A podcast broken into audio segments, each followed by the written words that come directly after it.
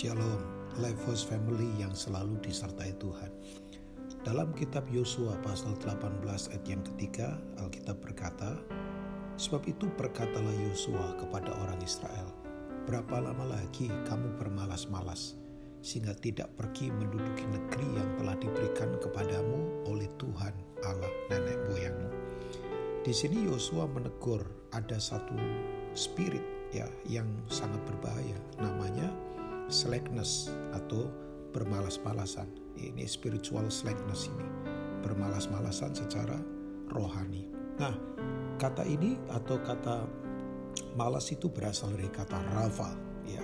Ya, bukan rapa. Kalau rapa Jehovah rapa itu uh, the Lord is our provider. Tuhan adalah yang menyediakan. Tapi kata rafa itu uh, malas itu artinya adalah orang uh, gampang tenggelam orang kemudian gampang terlempar ke belakang, orang pasif dalam kehidupan. Nah, Tuhan tidak mau kita punya spirit seperti ini, bermalas-malasan. Nah, kemalasan itu kan ada beberapa.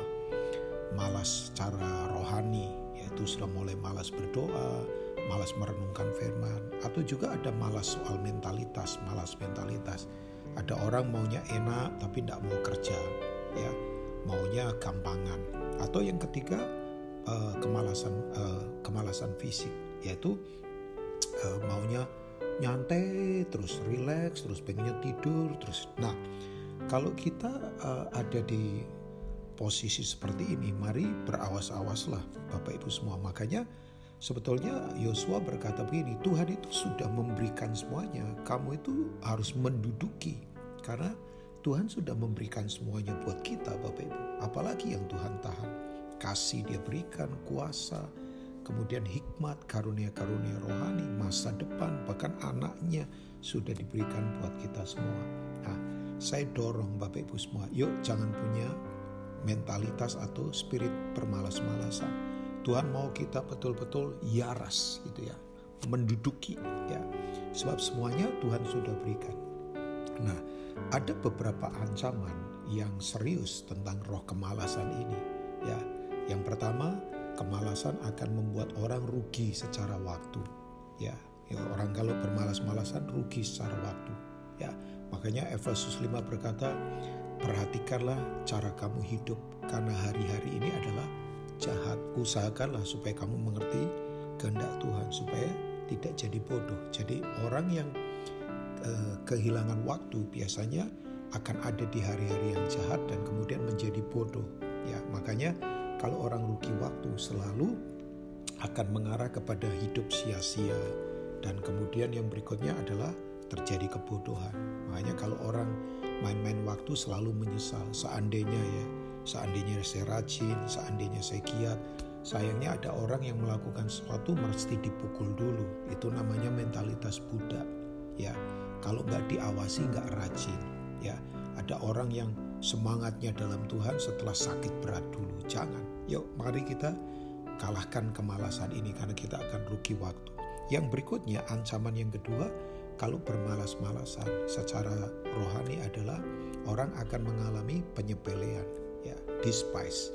Jadi menyepelekan kehidupan. Seperti Esau.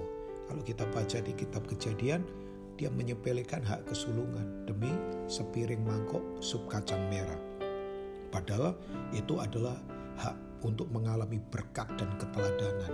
Ya, tapi terjadi penyepelian. Dibandingkan dengan satu triwiranya Daud beda, namanya sama. Bapak Ibu bisa baca di 2 Samuel pasal 23. Salah satu triwira yang bertanggung jawab.